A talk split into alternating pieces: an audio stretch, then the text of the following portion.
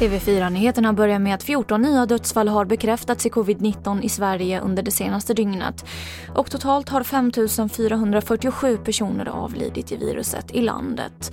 Mer om detta på tv4play.se. En lastbil med hundratals grisar välte tidigare i eftermiddags i Ljusdal. Lastbilen ska ha hamnat upp och ner i ett dike och flera polispatruller skickades till platsen för att försöka hjälpa grisarna. Föraren är inte misstänkt för något brott.